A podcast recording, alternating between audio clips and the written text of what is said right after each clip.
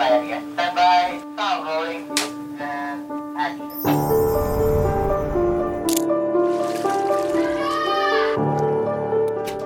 Begitu hari pertama saya syuting, Hmm. saya udah putusin, nah ini bakal menjadi pekerjaan saya seumur hidup.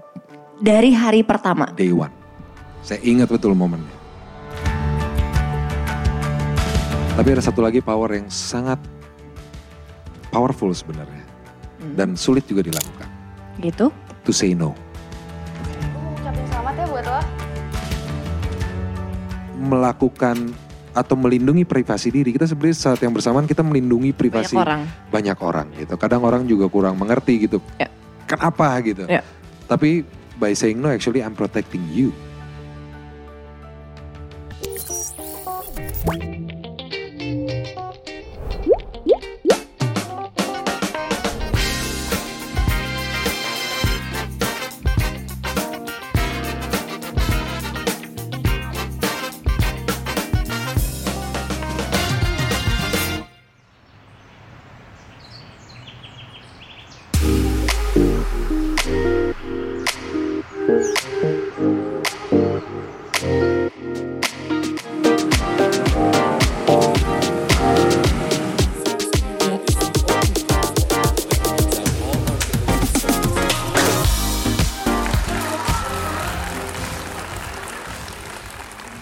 Selamat datang lagi di Ngobrol Sore Semaunya live on stage Kota Malang bersama aku Putri Tanjung.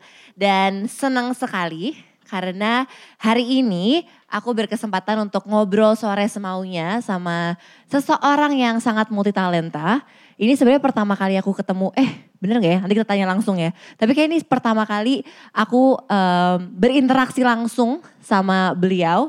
Eh, dan dia adalah seseorang yang sangat ikonik. Eh, tahu dong siapa? Tahu nggak siapa? Wuh, kita kita panggil bareng-bareng gimana? Kita sambut siapa?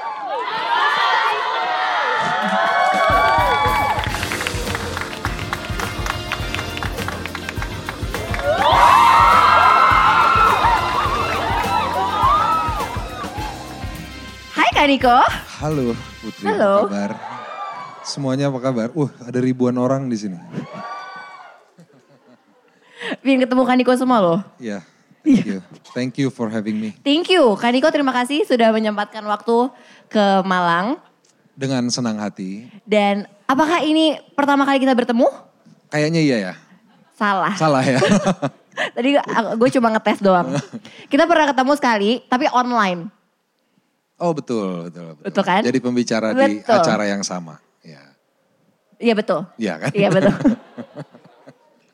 Kak Niko, apa kabarnya? baik, baik. Sehat, Alhamdulillah. Em, aku agak deg-degan. Jangan. Makasih. Terima kasih. Jadi eh, aku sebenarnya nggak pernah nggak sebenarnya aku jarang deg-degan kak kalau ngobrol sama orang. Cuma Kak Niko ini eh, menurut aku salah satu narasumber yang sangat intimidating.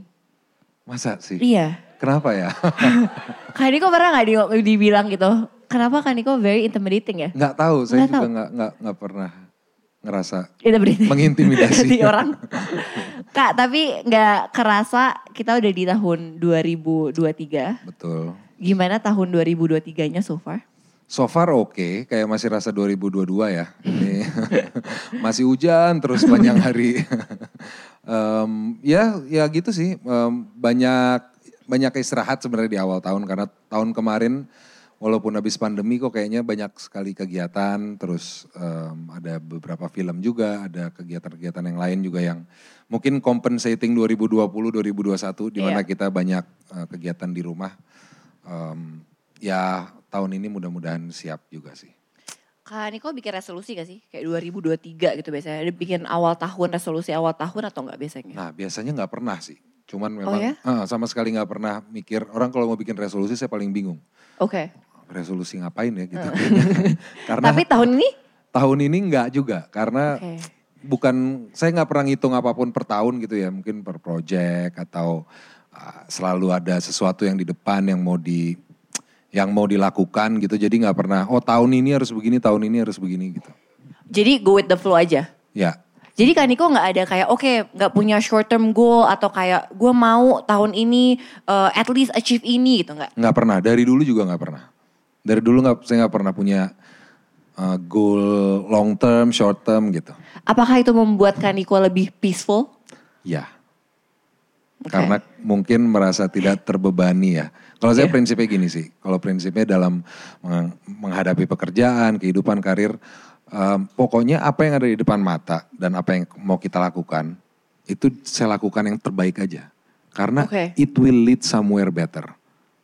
Oke. It will lead me to somewhere better. Itu akan membawa kita ke ke tempat yang lebih baik, ke posisi yang lebih baik. Kalau kita yang di depan mata kita lakuin yang terbaik.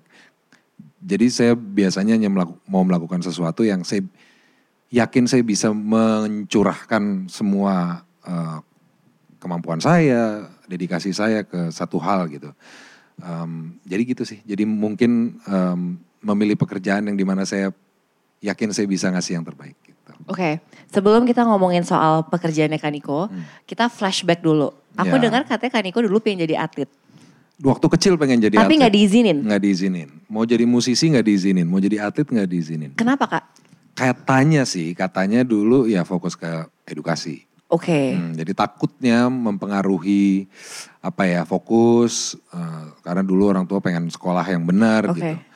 Eh, walaupun eh, belakangan ketika udah SMA udah bisa mulai menyeimbangkan nih ceritanya antara sekolah sama em, kegiatan lain di luar sekolah ya saya main film.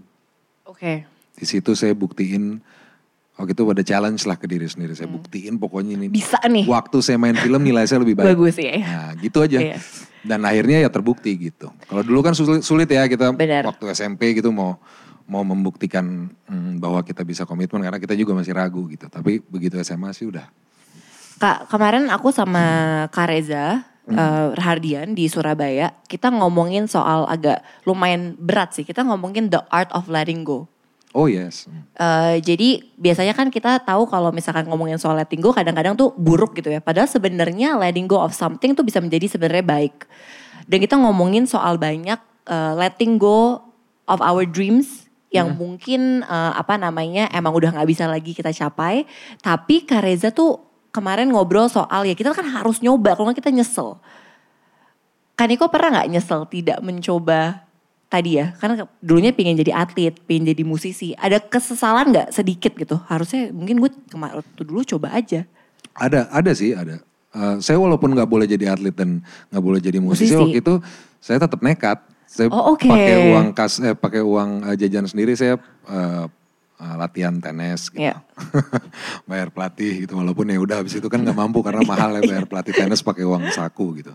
Em, terus em, ya banyak sih, banyak di hidup pasti banyak yang kayak gitu kan. Kita banyak yang kita sesali karena kita nggak sempat mencoba, banyak yang kita sesali karena kita mencoba gitu. Betul. Jadi Oh, iya. jadi- Apa tuh kak yang disesali yang sudah dicoba? I'd rather not say karena Oke. nanti banyak yang tersinggung. tapi banyak kok, banyak kok itu. Tapi the art of letting go itu ya sama kayak the art of doing nothing ya. Maksudnya we have to surrender sih sebenarnya. Mungkin kita harus berpasrah, berserah diri dengan kenyataan dan em, berpikir oke apa selanjutnya nih kalau kita terlalu lama eh, apa namanya menyesali apa yang di belakang eh, akan jadi beban berat gitu. Iya. Jadi memang uh, that's a good idea. Bagaimana kita ya harus let go lah dengan dibenturkan dengan realitas. Ya, itu kehidupan ya kak ya. gitu Karena memang hidup memang harus bisa melepaskan teman-teman.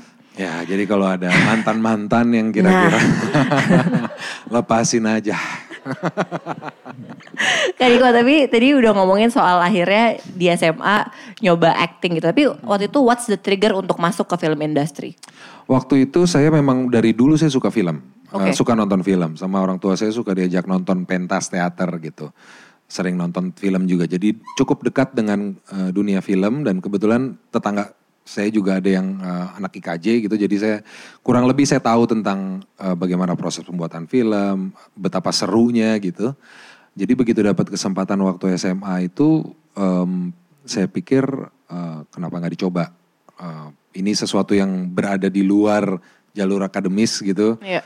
dan kayaknya seru. Itu aja sih sebenarnya. Tapi begitu hari pertama saya syuting, Hmm. saya udah putusin, nah ini bakal menjadi pekerjaan saya seumur hidup. Oke. Dari hari pertama. Day one. Saya ingat betul momennya. Dan itu apa? Momennya kenapa? Ada apa? Apa yang Ah. terjadi yang bisa Kaniko bilang oke ini I will do this for the rest of my life. Ada apa ya? Ada magic in film sih. Bahwa waktu itu saya ngelihat ada uh, bagaimana kita berproses latihan, terus uh, membaca dari naskah, kita ucapin, ditangkap gambar. Dan waktu itu kita bisa lihat hasilnya sedikit di di VT gitu ya, di apa di Iya. di TV kecil gitu. Sangat magical gitu. Oke. Itu sih yang membuat saya merasa wah ini sesuatu yang sama sekali baru dan uh, ajaib ya. Oke. Kak, aku merasa uh, pekerjaan Kaniko itu kan sebenarnya you are a storyteller. Yes. ya bisa kan dibilang di gitu. medium yang berbeda and I Betul. think storyteller play a, a big part in our life gitu ya karena dengan kita bisa menceritakan sesuatu kayak storytelling itu power very powerful and magical dan um, film adalah salah satu yang actually bisa merubah kehidupan orang how people think dan segala macamnya sangat.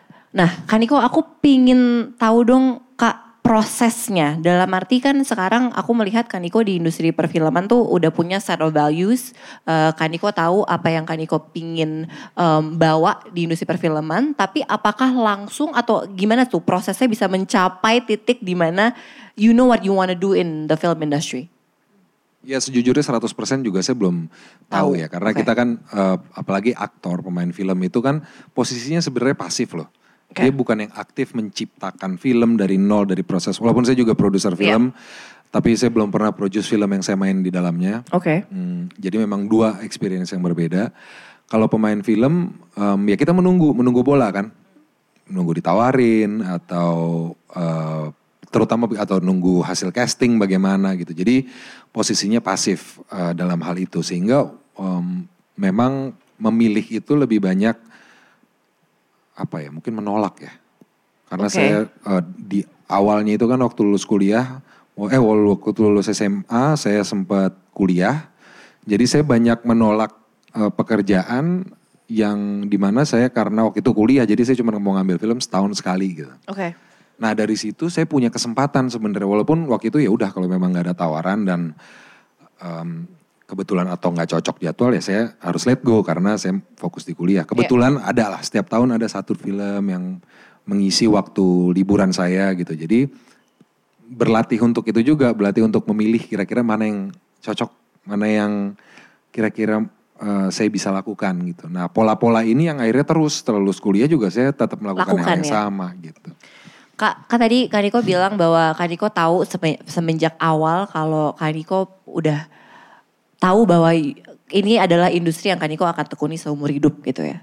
Em, pernah nggak sih kak run of love? Maksudnya gini kan, Kaniko kan mencintai pekerjaan Kaniko nih, mencintai industri perfilman. Seperti cinta ya teman-teman, kadang bisa hilang, kan, ya Kadang kan? bosan. Kadang bosan, kadang jenuh, kadang-kadang pingin ganti gitu kan. Eh, pernah nggak kayak run of love itu yang pertama, out of love. Tapi yang kedua aku pingin tahu juga kak, pernah nggak sih pesimis sama industri perfilman kita? Kalau run of love mungkin enggak ya, karena selalu ada kecintaan itu. Tapi untuk mau melakukannya atau enggak, itu memang sempat tuh kita sempat kayaknya udahlah, this is it lah, this is my last film. Gitu. Pernah Oke, ada itu boleh tahu fase-fase. kenapa kak? Eh, jenuh, jenuh, Jenuh, oke. jenuh aja sih. Oke. Hmm, mung- detailnya saya lupa, tapi ya tentu karena kecintaan itu, jadi makanya Balik saya tetap lagi. balik lagi, men- selalu menemukan hal-hal yang baru. Itu ya serunya film kan selalu berbeda setiap setiap masa, Iya. setiap uh, film ceritanya berbeda, teman lawan main, teman mainnya juga berbeda gitu. Jadi ya ada sesuatu yang baru terus. Nah, karena didasari sama cinta itu, uh, cinta dengan film, dengan dunia film ya akhirnya balik lagi. Oke. Kalau pesimis kak soal industri perfilman kita? Em, pesimis soal industri ya, karena kita nggak pernah bener-bener ada di industri ya. Oke. Film itu saya nggak merasa belum bisa dibilang sebuah industri gitu. Menarik. Em, dia ya kita walaupun ada berapa 150 film setahun hmm, belum ya kayaknya karena industri kan mesti lengkap ya secara secara genre kita udah harus lebih bervariasi secara apa namanya eh, ya jumlah pemain film juga walaupun kayaknya banyak tapi sebenarnya itu itu aja Betul. Ekosistem, hukum soal betul. pemain filmnya. Exactly, ekosistemnya, terus juga perlindungan Betul, hak law. eh, terhadap eh, misalnya para pekerja film Legal- itu legal juga rights. itu belum betul-betul bisa dibilang maksimal gitu sehingga em, kita memang selalu growing sih sampai sekarang walaupun Ya. eh, sempat ada ups and down tapi saya selalu merasa dari tahun 2002 saya main film sampai sekarang ya semuanya tuh perlahan-lahan naik naik naik naik jadi memang kita sedang menuju ke satu tempat sih kalau pesimis enggak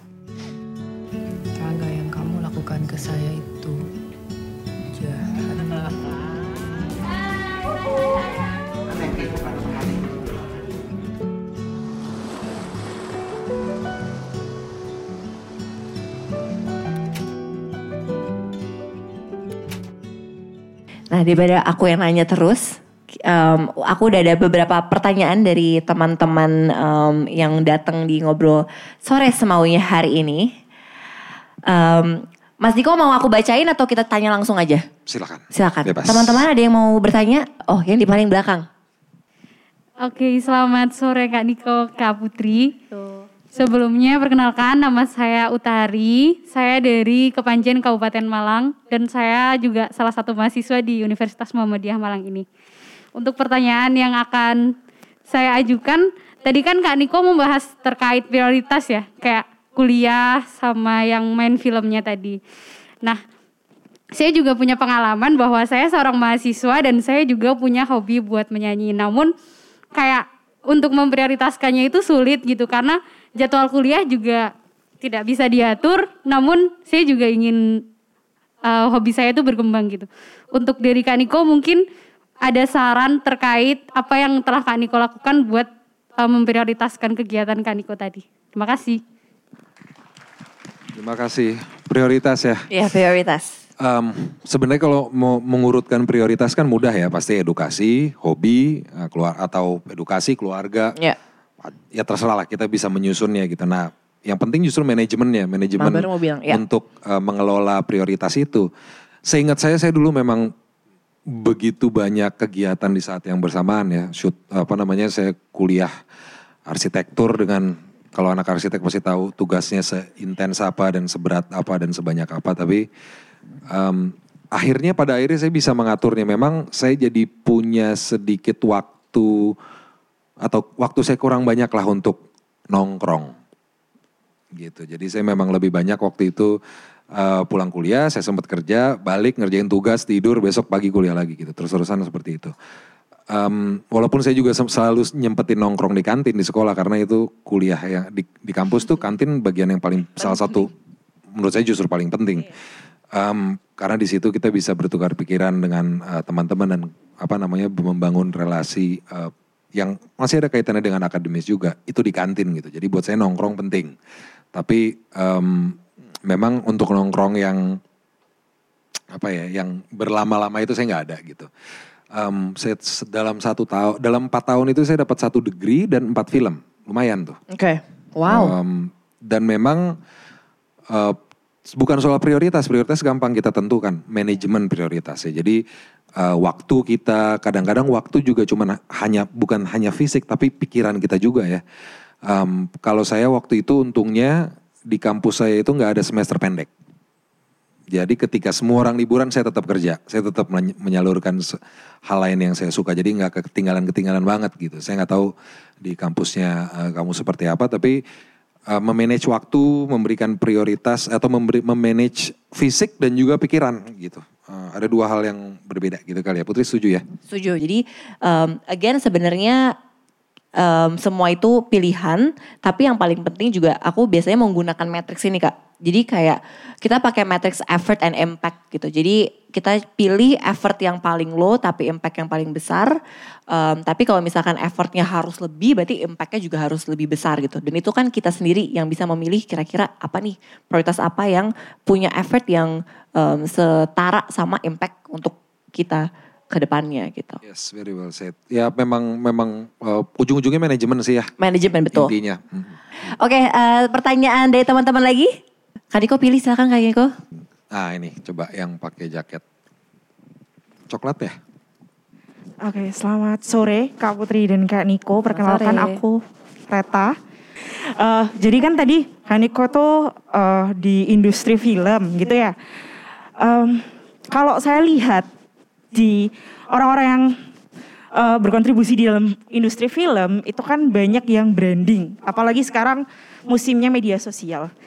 Eh, yang aku penasaran adalah kenapa Kak Nicholas tidak eh, mengikuti branding diri lewat media sosial apalagi Instagram. Karena saya eh, dari lama gitu ya nge-follow Kak Nicholas tuh gak ada apa pun yang berhubungan dengan branding karirnya Kak Nicholas gitu. Terima kasih. Sangat menarik. Sangat menarik ya. Em, branding diri ya em, Instagram bagi saya foto album ya. Oke. Em, branding diri ya yang real ya sebenarnya melalui karya yang kita eh, di mana kita bekerja gitu. Em, pemi- bagaimana ya maksudnya film kurang besar apa sih saya punya berapa? 10 kali 20 meter layar di bioskop. Saya berperan dengan melakukan yang terbaik dengan kualitas suara yang terbaik dan gambar yang terbaik.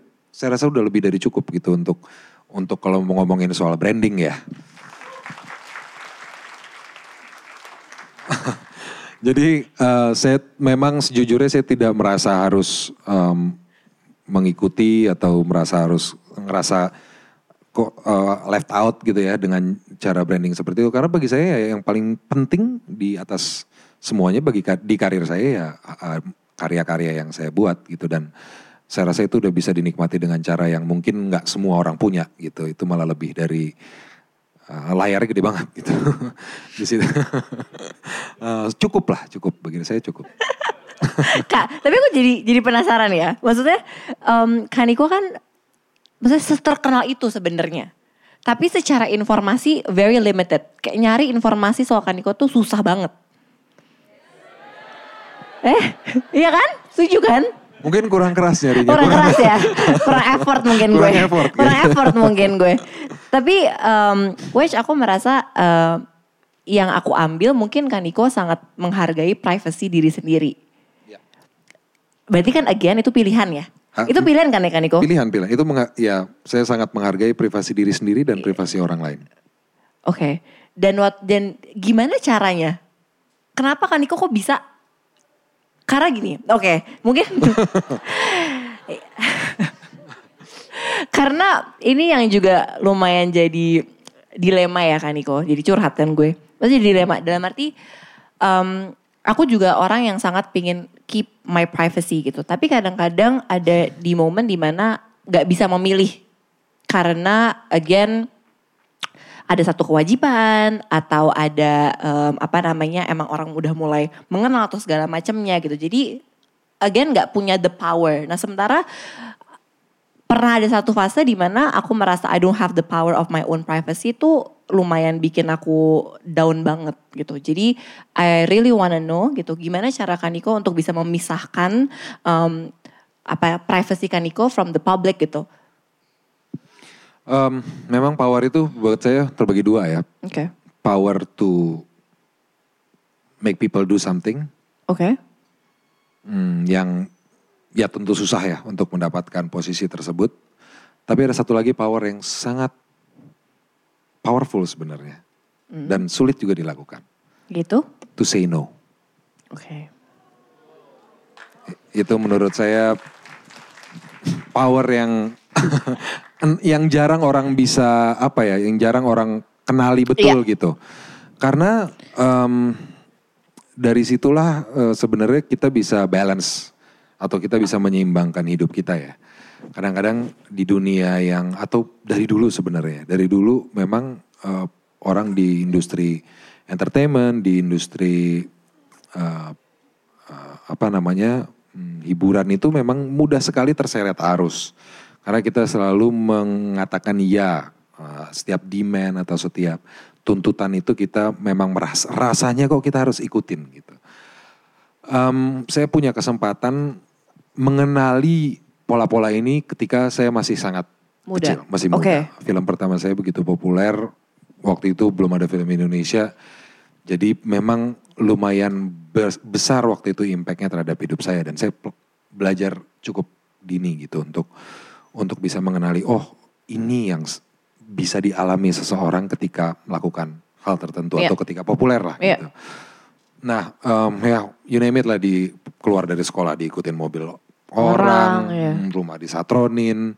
Jadi memang saya sudah bersentuhan dengan uh, violation of privacy dari kecil, dari dari remaja sehingga saya- saya tahu apa impactnya bagi saya, keluarga saya, tetangga saya, teman dekat saya, Iya. Pacar dan lain-lain gitu. Jadi kadang-kadang kalau kita melakukan atau melindungi privasi diri, kita sebenarnya saat yang bersamaan kita melindungi privasi Banyak orang. banyak orang gitu. Kadang orang juga kurang mengerti gitu. Ya. Kenapa gitu? Ya. Tapi by saying no actually I'm protecting you Ya. actually gitu. Kadang kayak teman-teman sendiri kenapa sih gue posting nggak boleh gitu ya coba aja. Nah, Kak, tapi again menurut aku tadi yang Kaniko bilang the power of saying no is very important in life karena itu is a part of letting go juga kan when to say yes and when to say no tapi kadang-kadang untuk punya power to be able to have the power to say no itu kan nggak semua orang punya the privilege Oke. Of? Atau atau ya itu bisa dicapai. betul tapi butuh progres kan Butuh, proses, pasti. nah itu butuh proses yang panjang kalau Kaniko prosesnya seperti apa sampai di tahap bahwa kayak you know ya gue harus bilang enggak gitu Konsisten. oke Soal konsistensi. pernah merasa egois nggak kak Em, pernah, tapi saya cepat eh, runtuhkan ide itu. menarik Karena sebenarnya saya nggak egois. ya Kadang-kadang saya pikir saya egois banget, saya nggak mau, saya bilang enggak. No, actually saya saya sedang memprotek Diri sendiri dan saya, teman orang saya, dan orang yang mengajak itu juga. Jadi saya gugurkan eh, ide itu, ide egois. Enggak. itu butuh berapa tahun kak prosesnya Mungkin- detail nanyanya mungkin belajar dari dulu ya. Mungkin em, karena saya terbiasa menghadapi orang bilang eh, gini. saya cerita waktu saya zaman kuliah itu, saya memang sengaja pasti saya tolak kerjaan. oke Jadi saya terbiasa untuk Menolak. Iya, mem- bukan hanya menolak, terbiasa untuk menghadapi orang yang kita tolak. oke Karena nggak semua orang kuat loh. betul Ada guilt, ya ada perasaan, aduh kesian atau ini enggak harus ya gitu. Bukan soal tega nggak tega ya, tapi oh begini karena sebenarnya ah, keputusan itu dengan berbagai macam pertimbangan tentu we have to be wise about it. Em, dan orang itu juga nggak terlalu dirugikan kok sebenarnya. Yang menuntut kita gitu atau yang mengajak kita gitu. Jadi saya memang terbiasa untuk belajar untuk bilang tidak oke karena keadaan. ya terpaksa keadaan. Ya. So, um, is it a privilege? Enggak 100%. Karena saya juga ada ruginya kan. ya Bayangin begitu banyak waktu itu tawaran yang saya tolak. Padahal kalau misalnya ngomongin finansial, wow. ya berarti by the end of the day itu adalah pilihan By the end, of- enggak juga. Um, ya gitulah uh, pilihan tapi exercise kali. yes yes yes Mungkin ini soal mau atau tidak kita mencoba belajar. ya Menghadapi orang yang baru saja dikatakan tidak. Gitu. ya dan itu ada ada baiknya dan ada konsekuensinya ya tadi kan Ada Kaniko bilang selalu ada konsekuensi. Dan biasanya finansial. Kalau urusan kerjaan ya. iya iya kalau soal nggak yang lain? Kalau soal yang lain ya mungkin perasaan eh, dikucilkan, ya yang kita juga hal-hal kayak gitu juga kita harus let go. Eh, ngerasa dikucilin, ngerasa "Hmm, yang lain kok mau kenapa lo enggak gitu. Nah itu tuh tekanan tuh, itu pressure juga yang yang memang harus siap kita hadapin. ketenangan untuk Kaniko apa Hmm, ketenangan buat saya ya Waduh. itu ketika kita ketika kita bisa punya pilihan sih. oke ketika kita bisa punya pilihan sih. Milih untuk nggak ngapa-ngapain, milih untuk melakukan sesuatu. Itu itu sangat liberating. Ya. Oke, dan memilih memilih un karena kadang-kadang gini ya kak, saat kita memilih, tadi kan kak, kak Tiko juga dibilang ya, pasti ada rasa, em, aduh kita tuh egois nggak ya dengan memilih kayak gini, kayak gue gak mikir orang lain deh, kalau gue selalu mengutamakan diri gue sendiri gitu misalkan, atau memilih untuk nggak ngapa-ngapain, aduh tapi gue melewatkan opportunity nggak ya yang ada gitu, which eh, pasti teman-teman di sini mungkin bisa relate karena em, banyak sekali dari generasi aku yang overthinker gitu kak. How do you deal with it? The art of letting go. Luar biasa. Dan Kayaknya memang the art of letting go itu sebuah proses juga ya dalam kehidupannya. Iya. Dan itu nggak gampang kok. Maksudnya Saya bayang waktu ma- mahasiswa juga kita "Ah, letting go apa ini baru mau meraih sesuatu Iya, udah aduh. harus let go Iya. gitu. Tapi at one point in uh, my life memang ada momennya begitu sih. Iya. Uh, apa yang semua kita pelajarin, apa yang semua kita impikan itu memang harus kita belajar untuk melepaskan itu gitu Iya. sehingga kita menjadi terbebas jadi orang yang terbebas.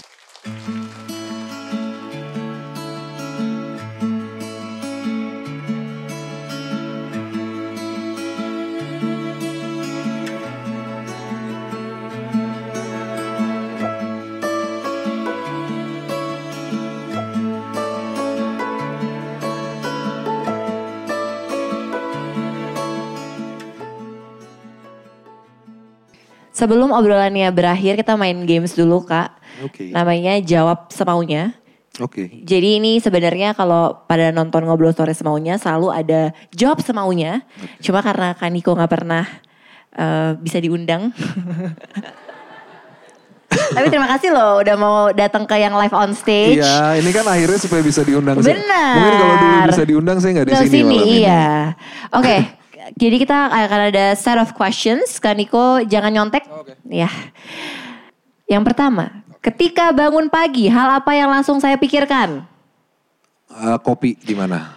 Oh, Kaniko suka minum kopi apa? Aku juga pencinta kopi. Saya kopi Hitam. hitam, arabica, Arabica. pagi, eh, Aceh Gayo atau Flores. Oh, oke. Aku by the way aku punya em, bikin bean sendiri nanti aku kirim ya. Boleh Cobain. dengan senang hati. Oke.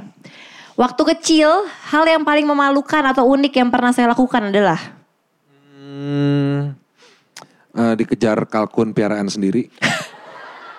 kenapa bisa? Eh, memang galak kan kalkun itu kan. Jadi kalau kita lari-lari dia suka reaktif. Lari juga dikejar. Padahal saya, maksudnya saya pelihara, pelihara sendiri, saya dikejar Oke. kalkun. Tapi gak kenapa-napa kan itu kan? Nggak, Niko? nggak, nggak. Oke. Orang gak banyak yang tahu kalau saya itu orangnya. Master of procrastinator. Oh, oh ya? Iya. Oke. Saya paling bete kalau menghadapi situasi seperti Em, telat makan. telat makan. Oke. Jadi grumpy ya. Teman-teman saya bilang kalau saya adalah orang yang Aneh. saya merasa hidup pada saat Hmm, nggak ngapa-ngapain. nasihat terbaik yang pernah orang berikan ke saya adalah Eh, don't take it too personally. menurut saya kebahagiaan adalah Kebebasan. Oke, tepuk tangan buat Kak Nikola Saputra. Pertanyaan terakhir Kak, Oh, belum, belum. Pertanyaan terakhir ini yang selalu eh, aku tanya di setiap eh, ngobrol sore semaunya, setiap narasumber pasti ditanya. Kan obrolan kita bakal stay forever di platformnya Sexo. Oh iya, By even the way. older than our lives. Iya bener. Dan di YouTube-nya CXO Media. Kalau misalkan Kak Niko kan tadi sukanya nggak ngapa-ngapain ya kan. Terus lima tahun lagi misalkan lagi bosen. Terus nonton lagi episode hari ini gitu ya. Jadi kalau 20 tahun lagi kalian menemukan um, uh, video ini, saya cuma mau ngasih tahu kalau hari ini hujan. Oh iya bener. ya mungkin bermanfaat buat apa. Kak Niko, tapi kalau misalkan Kak Niko lima tahun lagi nonton episode ini. Apa yang Kak Niko sekarang ingin sampaikan ke Kak Niko di lima tahun mendatang? Nah, maaf ya kalau uh, beda sama yang lo udah pikirin sekarang. Karena saya suka nonton yang kayak gitu kayak, uh, what did I think? Iya, Gitu. kayak ngomong apa sih gue? Apa sih so tau Iya, banget sih lo gitu. Kak Niko, Jadi thank maaf you ya. so much. Udah itu doang Kak Niko? Udah, udah, Itu udah. aja ya. By the way ini adalah salah satu eh, jawaban tersingkat. Iya. Biasanya orang panjang, yang sampai nangis Kak Niko. Itu ada per- itu pertanyaan yang mana ya? Yang tadi yang lima tahun mendatang. Oh, oke.